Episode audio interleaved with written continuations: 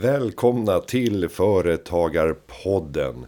Podden för dig som äger, driver och leder företag i Sverige. Jag heter Günther Mårder och är, när du hör det här, avträdd vd från Företagarna. Men när vi spelar in det fortfarande verksam i rollen.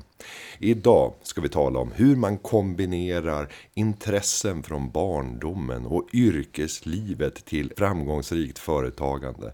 Och hur ökar man lönsamheten med ett starkt personligt varumärke? Det här och mycket mer i veckans avsnitt av Företagarpodden. Välkommen! Hon slog igenom som en av Sveriges första bloggare. 2014 bytte hon karriär som modejournalist till att bli företagare då hon startade det idag snabbväxande skomärket som bär hennes efternamn. Vi säger varmt välkommen till Cecilia Blankens, VD och grundare av just Blankens. Ja, tack! Härligt, här. härligt att ha dig här. Och en van poddare också. Ja, det, det ska också. man säga. Ja. Berätta om din poddkarriär. Ja, min poddkarriär. Vet du, jag, jag har liksom gjort radio som en liten och podd som vid sidan av. Alltid egentligen. Jag var i P3 och gjorde liksom Du har, slags... du har riktig radioerfarenhet. Ja, men jag, jag, har aldrig, jag har alltid varit sidekick. Mm. Alltså, alltid varit, en- aldrig varit liksom en sån där som har hållit ett program. Ändå jag, tacksam roll. Eller, tänker Ja, jag. verkligen. Alltså, det jag älskar och, och eh, jag älskar när det finns ramar och någon annan som jag kan hålla i handen. Och då Ja. kan jag känna mig väldigt lös och ledig att köra på. Generellt jag älskar jag den rollen.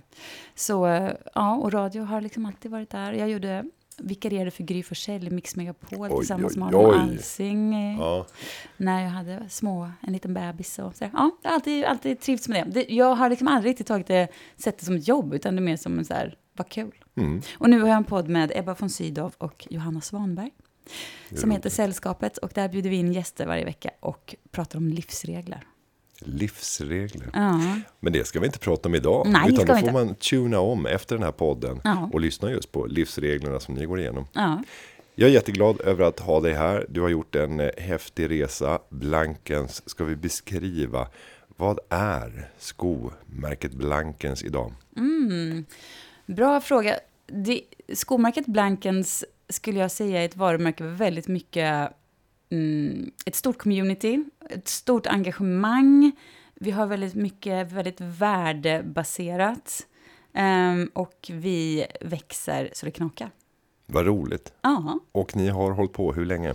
nästa år är det faktiskt tio år sedan vi startade. Wow. Ja, precis. Men de första fem åren skulle jag säga, det har liksom gått, funkat sen, från första början. Vi har aldrig, vi har, vi har absolut, absolut haft kriser, alltså jättekriser och sådär. Men det har ändå rullat på framåt. Men de första fem åren var väldigt mycket trial and error. Då hade jag det liksom inte som mitt huvudsakliga så. Även om jag alltid har varit besatt och aldrig tvivlat på att det här eh, har en otrolig liksom, framtid framför sig. Men ska vi skruva, skruva tillbaka bandet och förstå vem var det som startade den här Cecilia, som startar företaget? Modejournalist i bakgrunden, Mm. Snabbt ute i bloggosfären Ja. och sen idag företagare. Hur sker det skiftet?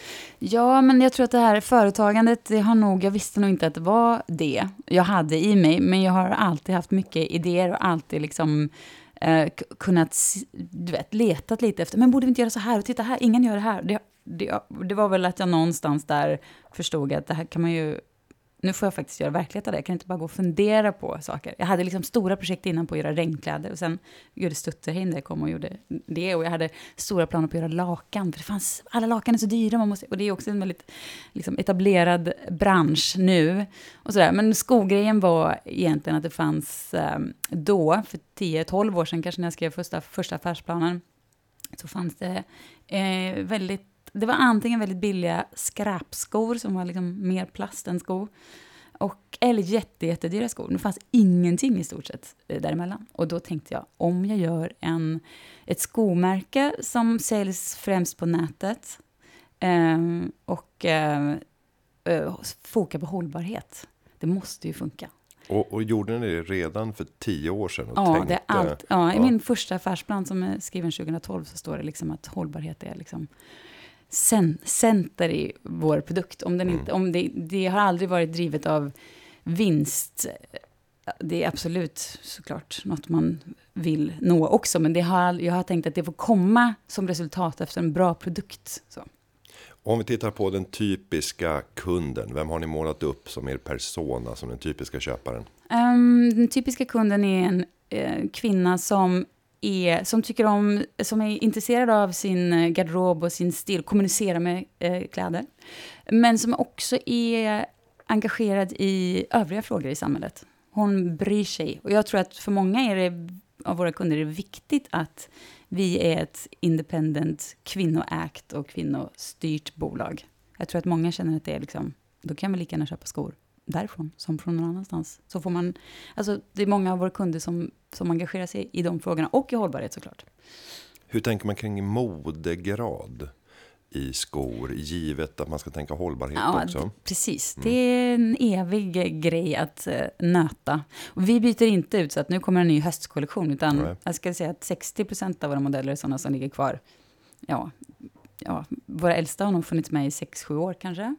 Och sen byter man ut dem lite efterhand sådär. Eh, och, det, och så det gäller ju att hitta skor som är tidlösa men som ändå har som ändå inte blir tråkiga, utan som ändå finns, har någonting som itchar det här skoälskarhjärtat. Jag har själv alltid varit, alltså haft en osund relation till skor. Jag kan inte riktigt, eh, um, jag skulle säkert kunna förklara, men, men det är svårt att förklara varför skor är så viktigt. Men det är liksom en nyckel till att kommunicera vem man är för dagen och i livet och så.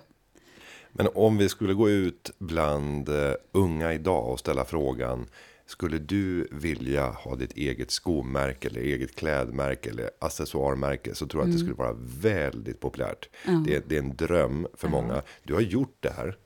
Eh, och det är inte med den givna bakgrunden. Det var inte att du kastade in på business school och hade den företagarmässiga bakgrunden. Utan det kom från passionen. Du kom från kommunikationen, bygga relationer. Det där är ju mer vanligt hos en yngre generation som kanske inte har hunnit utbilda sig, inte hunnit skaffa sig erfarenheter av företagande och varit chefer eller liknande. Nej. Vad kan man lära sig av den resa som du vågade göra? Um, jag tror att det finns någonting ganska bra. Jag hade väldigt länge någon slags, nästan vad som liknande komplex för att jag inte hade rätt utbildning. Jag var inte varken skodesigner eller företagare. Eh, då kan man väl inte starta ett skoföretag. Det satt som, en, som ett stopp i mig väldigt, väldigt länge. Eh, men så här i efterhand så kan jag ju känna att det där lite naiva, att ändå bara, vi kör, hur svårt kan det vara, är ju en supertillgång. Så jag skulle verkligen vilja skicka med att det behöver inte vara... Um, det kan nästan vara så att det är liksom en tillgång att inte veta allt, för man blir liksom lite modigare. Man sitter inte över eh, analyserar risker, utan man, man kör liksom. Och hur har du tänkt kring att bygga ett team? Eh, vem var den första personen du tog in och hur tänkte du då? Ja, men jag har väldigt länge jobbat med vänner. Mm. Eh, så är det. Det brukar man ju varna för. Ja, jag tycker att det Hur har det funkat? underbart. Nej, jag tycker det bara har varit underbart. Ja. För det har blivit... Um, man har kunnat vara väldigt ärlig och man har, kunnat, man har inte behövt liksom bära sig själv så mycket en dålig dag, för man har haft sin vän med sig där och man har kunnat vara så här, fan jag orkar inte mer, liksom. Sådana dagar, och kunna mm. säga det till sin kollega som också är en, en vän. Så. Men nu har vi ändå blivit lite så pass stora att vi inte har kunnat, jag har inte kunnat liksom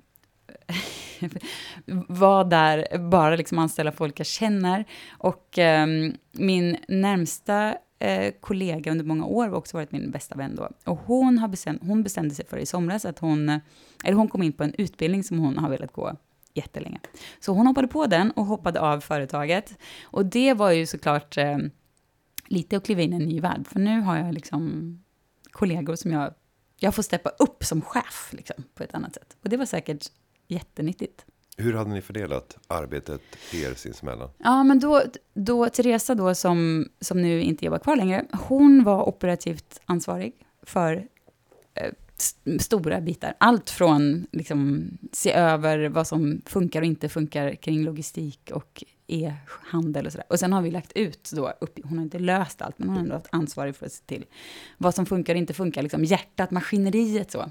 Och jag har väl haft ett annat ansvar för produkt, kreativiteten kring kommunikation, marknadsföring. Så. Konstnärlig ledare, kreativ chef. Ja, lite så. Ja, det är ju så. så med små företag, att man får göra väldigt mycket. Och jag måste säga att jag älskar det. Och, och att hitta en person som kan komplettera upp en och Mm. just eh, göra att man kan briljera på de områden där man känner som störst passion och lust. Mm. Hur viktigt har det varit för den framgång som ni har skördat? Ehm, jag ska säga väldigt viktigt, för det har gjort att jag har känt mig trygg i att... ja, men jag har känt mig trygg och hållen, liksom.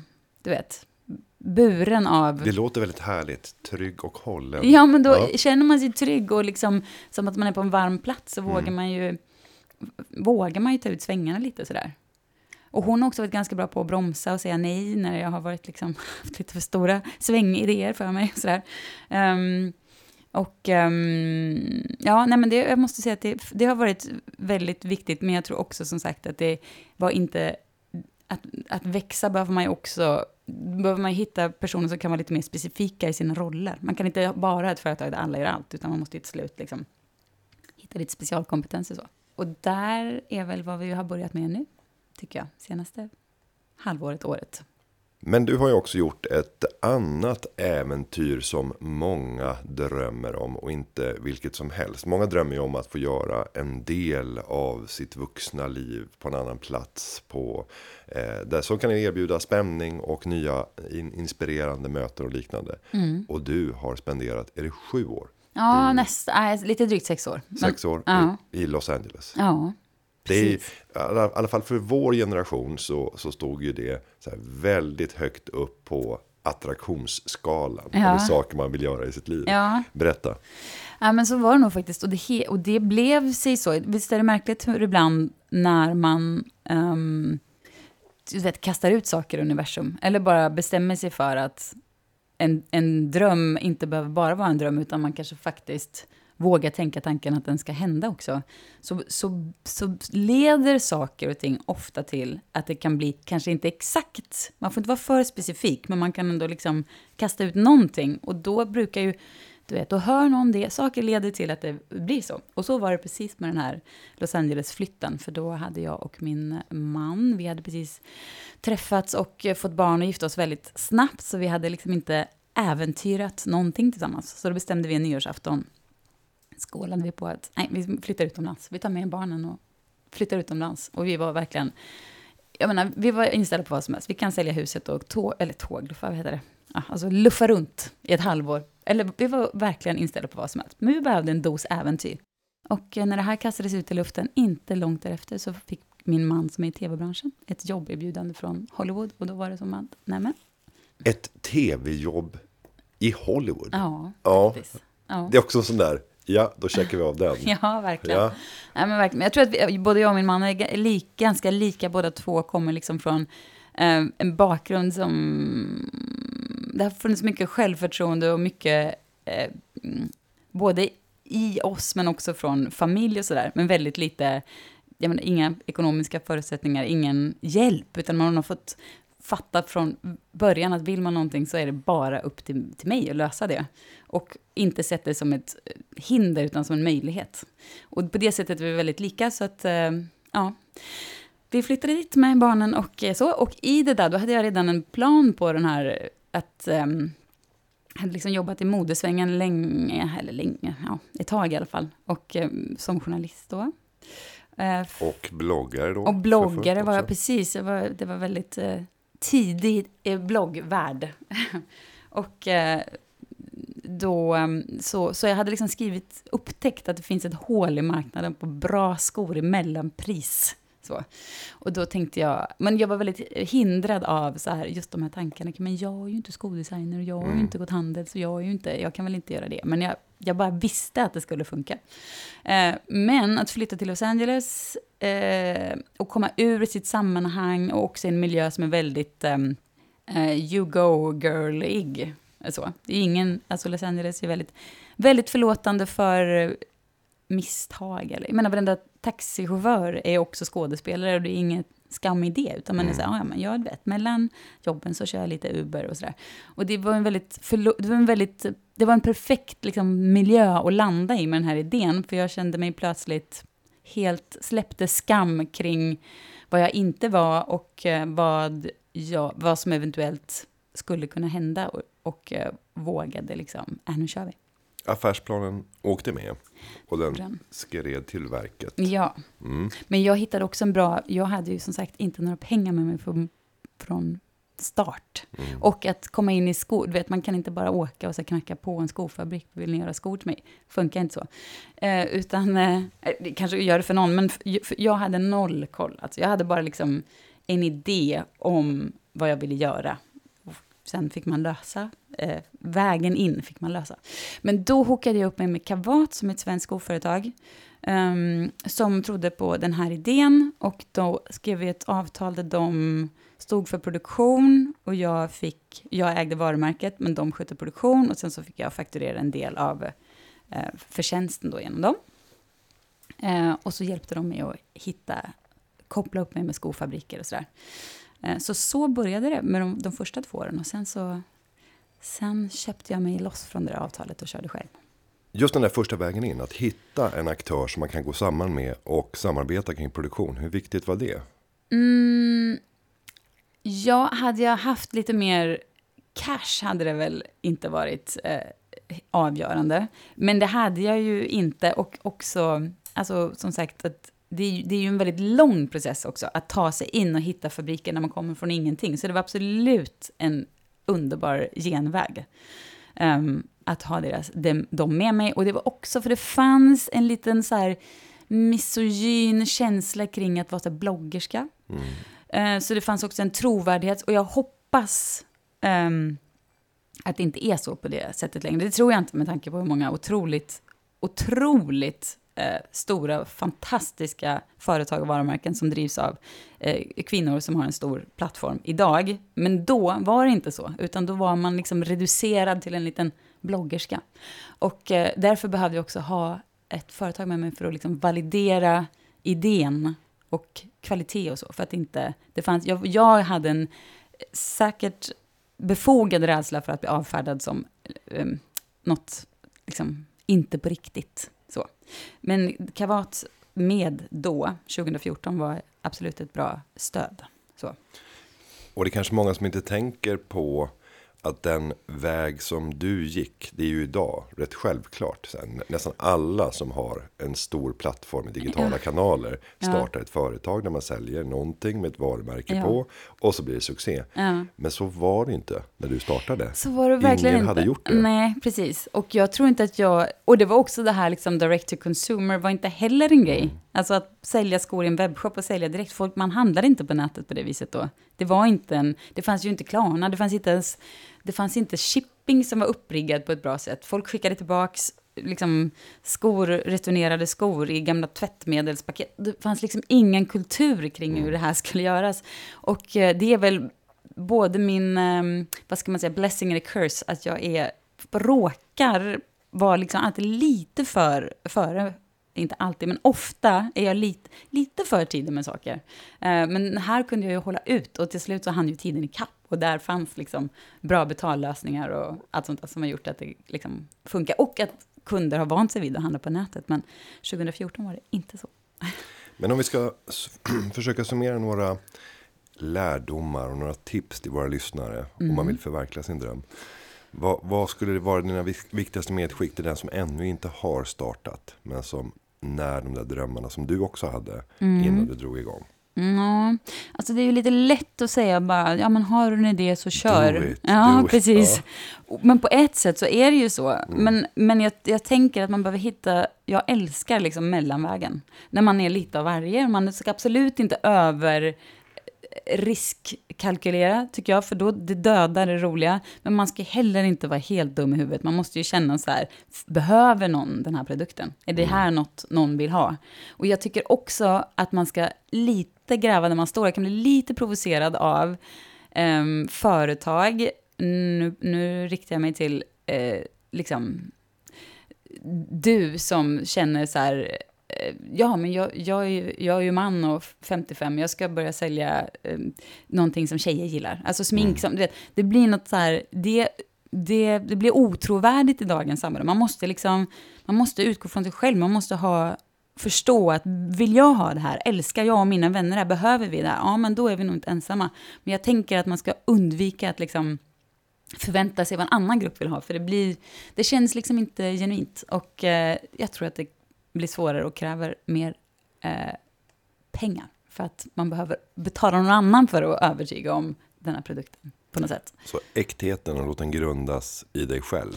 Jag tror att det är bra. För mig har det i alla fall ja. varit, för att orka också, man måste liksom, det är, man måste ju vara som en pitbull och bitsa sig fast i det här man vill mm. göra. Och då räcker det inte med att tänka att man ska omsätta sig och så mycket om så många år och jag ska tjäna så mycket pengar. Att man måste ju vara besatt av sin idé och älska produkten själv för att man själv bara tycker att det är livsviktigt, oavsett om det är flugfiske eller golf eller skor eller liksom krämer. Men man måste liksom börja där någonstans. Jag tror att det är, jag tror att det är sånt dagens kund förväntar sig och förstår och uppskattar. Om vi tar den här ambassadörsdimensionen och mm. att få sina kunder att bli de främsta ambassadörerna för bolaget. Vad har varit dina främsta medel för att lyckas få det engagemanget? För det är ju någonting som de flesta företag drömmer om, men de flesta misslyckas med. Ja, vet du, jag har verkligen inte haft någon strategi för det där. Det är så mycket som har hänt intuitivt i det här företaget som sen har visat sig vara, jaha, men det där var ju himla bra. Men det har väl mer varit att jag, det har liksom, eftersom jag känner en sån stolthet och glädje för det jag säljer, så har jag liksom blivit så glad över att men gud, den här personen gör också wow, jag gråter av glädje över att se dig i mina skor. Och så har man liksom lyft den personen i ren, från hjärtat och då har det liksom på något sätt spridit sig bara. Att det har blivit så, man, man är liksom en stolt blankensbärare och eh, kanske för att jag själv är det, att det är så. Men det har aldrig funnits någon slags så här genomtänkt, medveten, cynisk plan. Att nu ska ni bli liksom blankens små liksom, mm. soldater. Det har aldrig funnits så, utan det har bara hänt. Och jag tror att, som sagt, jag tror att det kan komma, eller det måste komma från att um, någon slags äkthet kring det där. Både från mig men andra, hoppas jag. Sen är inte alla kunder det, men det finns ju vissa och det är mm. ju fantastiskt. Och det, och det räcker ju att det är ett, ett litet antal så gör det ganska stort väsen av sig när folk bär fram sina egna produkter eller skapelser. Men jag tänker att att ha passionen, mm. att ha öppenheten, tillgänglighet mm. och att hela tiden respondera ja. och kommunicera och lyssna ja. på sin målgrupp. Ja. Det är väl någonstans ett så magiskt recept för att få ett förtroende. Ja, jag antar det. det. Det har visat sig vara så, men det har liksom inte varit Alltså, det har ju blivit en plan mm. och det har ju visat sig vara så här. Ja, när man blickar bak och liksom backtrackar vad, vad som har hänt och vad som har gjorts så ser man ju att det är precis så. Men, men det har hänt intuitivt. Det har liksom inte funnits. Det har aldrig stått på ett papper. Nu ska vi göra så här. Nu ska vi få de här personerna som läste min blogg 2014 och, och det är klart att man, det är klart att jag förstod, alltså när idén var att sälja skor på nätet, och, då var det klart en fördel att jag hade en blogg. Det fattade jag ju. Det var ju mm. såklart att det var, det hängde ihop. Men jag menar, det var ingen så utstuderad plan att det, skulle, att det skulle byggas på det här sättet som det har gjort. Om vi då tittar på de här första kritiska åren då man ofta möter ett antal motgångar som gör att man börjar ifrågasätta sitt val. För att mm. företagandet är fullt av hinder längs vägen som man måste ta sig över. Ja. Hur gjorde du i de stunderna där man kände så här, shit, det här går inte min väg. Allting går fel. Ja. Ja, men känner man inte så varje dag? I Gör större eller om, Ja, men gud ja. Mm. I större eller mindre omsättning, omfattning. Men um, jag tänker att det är så här det är, jag tänker alltid på hur otroligt jag är lycklig över att få äga min tid. Jag ska till stallet i eftermiddag och imorgon, du vet, jag får jobba med kompisar. Det är, jag är så, så, så glad för det. Och jag förstår att priset för det, att jag kan få leva ett så här fritt liv som jag verkligen älskar, är att jag aldrig heller, samtidigt aldrig helt, jag är liksom aldrig, alltid bunden på något sätt. Eh, för det händer alltid saker som kan gå snett och så. Så man får bara liksom hålla sig fast och eh, tänka att imorgon är kanske en lite lättare dag. Men jag tänker varje dag så här, men nu, nu är det nog, du får se om det blir någon, om vi går liksom, nu kanske det är slutet, sista dagen idag. Idag kanske de bara, nu kanske det är slutet på det här. Och jag tänker att för mig är det en bra drivkraft. Min mamma sa alltid när jag var liten, bara hungriga vargar jagar bäst. Mm. och jag, jag tänker att det är så här, jag vill inte bli nöjd eller mätt eller sätta mig ner och bara ta saker för givet. Um, jag tror att det är ett måste nästan. Men man kan heller inte ta varje motgång som en personlig förolämpning eller låta det slå ner en. Man får, man får bara sitta i det en stund och gå vidare sen. Och om vi blickar framåt, om den där tanken kommer över dig nästan varje dag vid något tillfälle ja. att nu, nu är det snart över. Ja. Hur mycket vågar du tänka kring framtiden? Nu har ni funnits i över tio år. Mm. Vågar du tänka fem år framåt? Ja, och gud hur, ja. Hur mycket planerar du för? Eh, nej, men det vågar jag absolut göra. Mm. Det, det gör jag, för jag har som sagt heller aldrig tvivlat på att eh, eh, jag har aldrig liksom in, tänkt att, inte tänkt att det här kommer vara en, en succé som för alltid, liksom, på något sätt. Um, men, alltså, sen kan ju liksom världsliga saker hända som stoppar och sådär. Men, men jag tänker att det måste ändå vara grundkänslan i att man, man vill eh, liksom, att, det, att det inte ska ta slut så. Nej, men jag tänker alltid eh, framåt och tänker på tillväxt och sådär. Och jag hade nog en kanske lite väl ödmjuk inställning de första åren och kände att eh, hade liksom omsätta 10 miljoner var som en så här... Um, drömgräns. En drömgräns, ja. ja. Och jag tänkte bara, gör jag det, då, då är liksom... Då... Men sen märker man att det kommer dyka upp nya, um, nya utmaningar på ett positivt sätt hela tiden. Och nya liksom, mål man lägger för sig själv och sådär. Och sen blev jag faktiskt lite så här... Jag pratade med någon, minns inte vem det var, men som var lite så här, men varför ska du varför ska du... Varför det? Varför ska du nöja dig vid 10 miljoner? Du, visst, mm. man kan ha ett litet härligt företag som puttrar på så här, men varför? Och då har jag liksom, den har fått någon ny liksom, pinne på min brasa i att jag liksom, jag liksom hämndväxer på något sätt. Av alla förväntningar. Jag känner att jag alltid varit så... Jag har känt mig liksom underskattad kanske av mig själv, av omgivning och sådär. Och känt att jag också har nöjt mig med det. Att så här, att, men det här det blir väl trevligt om jag bara har ett litet skoföretag. Det, så varför ska inte jag liksom också bli jättestor och sådär? Jag vet inte. Det, jag, jag drivs lite av att de ska få se. Jag vet inte vilka de är, men det är någon, någon slags... Är det. Någon, någon där ute liksom. ska få se. Ja, men lite ofta så. så. finns den ju inne i sig själv. Ja, ex, ja, precis. Jag tror att det precis är så det, mm. så det är. Att det är den personen inuti mig själv som har kanske hållit tillbaka, som har liksom tvivlat lite på vad jag, min, vad jag kan och mina begränsningar och sådär.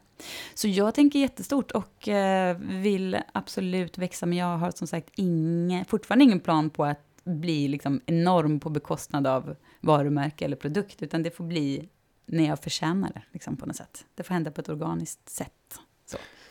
Och med stigande storlek så brukar också intresset stiga för externa att vilja titta på bolaget, vilja komma in och investera. Mm. Hur har du tänkt kopplat till riskkapital. Jag misstänker att du har fått eh, ett antal propåer längs vägen. Vet du, jag är typ kränkt för att jag har fått nästan inga. Så här är en shoutout. Kom och smickra så att ja. du kan få säga nej. Jag misstänker att, du, att det inte står högt upp på agendan, eller? Uh, för mig? Ja, hur skulle du resonera? Mm, nej, men jag tror att det är rätt person och så, men jag kan tycka att det är så här, du vet, när man hör hur människor eller hur investerare öser in pengar som liksom, mm. om, och så ett företag som omsätter 50 miljoner men går 40 miljoner back, då bara, vad, är ni dumma i huvudet? Här, liksom, jag har ett företag som, som växer med liksom 20-30 procent varje år, som har en vinst, som är, liksom, har allt man kan önska sig, och så lägger man pengar på det. Men det är någon sån här grabbkultur tror jag. Ja, det måste vara det, för att annars förstår jag inte varför inte alla bara bönar och ber att investera i mitt företag. Men med det sagt så, så är jag inte säker på att det är det jag vill. Eh, vissa dagar vill jag det, andra dagar inte. Mm. Men jag tror att det också är liksom lite rätt person. så. Det vore jätte, jättekult att äntligen kunna ha lite pengar och göra saker. För vi har sådana här, för att på våra annonser, vi har liksom en ROAS på 40-50 ibland. Mm. Men det finns inte mer pengar att stoppa in. Och, ja, du, ja. Ibland så undrar jag varför, vad som skulle hända om det fanns om det fanns pengar. Och andra dagar tänker jag, vad coolt att det, det är jag som, som äger här. Och jag har en ny kompanjon som heter Lina Thomsgård med mig också. Mm. Sen är ofta utmaningen att omvärlden betraktar företagaren i ett perspektiv som man själv kanske inte känner igen sig i. Om man ser någon som driver ett framgångsrikt företag som växer och som visar vinst. Så gör man lika med tecken och säger att den där personen är rik. Så bara, ja, fast allting har ju återinvesterats i verksamheten. Och sen li- några små blygsamma utdelningar som har kommit och en återhållsam lön som inte går att jämföra sig med Andra VDs. dig, Nej, du precis. som tycker att jag är rik. Och ja, på pappret så Nej. kanske bolaget skulle kunna säljas. Men idag så är det allt för beroende av mig som företag. Kanske till och med bär mitt eget namn. Ja. Alltså Nej, men precis. omvärldens bild av en som kanske inte riktigt stämmer överens alla gånger med den känsla man har till Nej. vardags. Nej, nej men så är, det, ju- så är det ju säkert. Alltså. Så är det säkert. Men jag, ja, nej men så är det säkert. Men jag tror att, eh, som sagt, jag tycker det vore jättekul att mm, steppa upp till en nivå och se vad som händer då. Men alltid med eh, hållbarheten som liksom ryggrad. Så. Lägga till fler produkter. Och vi har börjat använda eh, läder från svensk viltvård. Alltså man skjuter av vildsvin och sådär och hjortar för att Det blir de... mycket vildsvinsskor nu då framåt eller? Ja, men vi har faktiskt det. Ja. Och, då plockar vi, och de här skinnen visar sig att man bara lämnar dem. Så får de liksom, Hm. det, inget görs med dem.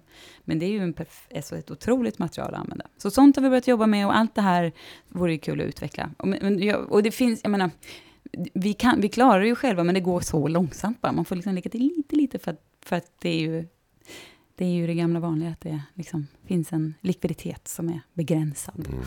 Men ska vi inte göra ändå i en sån här podd en liten shout-out och, och där jag får ställa frågan till dig. Mm. Så här, vad skulle kunna få dig att släppa in?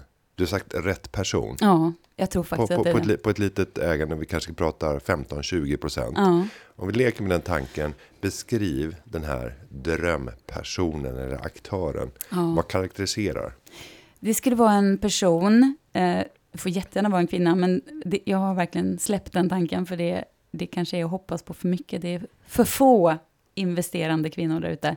Ehm, som, har, som har ett större tänk än vad jag har. Mm. Jag, är, det, jag har ju som sagt inte gått handels, jag har inte de här, du vet man pratar med andra eh, entreprenörer som, som kommer från handels och där det är liksom sådana belopp och sådana omsättningar och sådana siffror som jag blir liksom helt, oh, jag vet, jag är liksom lite för, jag behöver ett, ett större, alltså någon som kan vara, som, som ser vad vi gör, fattar det, uppskattar det och, och eh, har liksom, vad ska man säga, målet och visionen att förstå hur det skulle kunna bli gånger 10 eller gånger 20 i en större, en större miljö. Liksom. Som, jag inte, som jag inte riktigt har. Liksom, jag har inte de kläderna, jag har inte den kostymen. Jag, jag, jag kanske har om tio år, men just nu så, så vågar jag inte riktigt. Kan inte riktigt se så. En, en sinnestänjare Ja, kan det vara. precis. Och någon som, är lite, som inte är så lite, lika personligt knuten till företaget, utan som kan se det i siffror för vad det är och bara, nu gör vi så här, så här, så här. Liksom. Mm. Den personen längtar jag efter att träffa. Spännande. Vi får se om den här shoutouten Ja, ger precis. någonting. Kanske nu det händer, Ja. vem vet?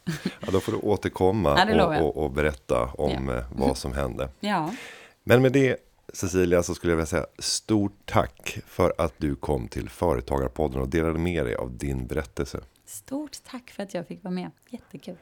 Och jag ska såklart återigen tipsa om att vill man lyssna mer på Cecilia, var går man då? Ja, då kan man lyssna på Sällskapets eh, podcast och så kan man ju kolla in våra produkter och skor på blankens.com om man inte har upptäckt oss än. Såklart. Mhm. Gör det. Och jag ska säga att podden har förberetts av David Hagen och klippningen är som vanligt gjord av Petra Cho. Vi hörs igen nästa vecka. Ha det så gott. Hej då!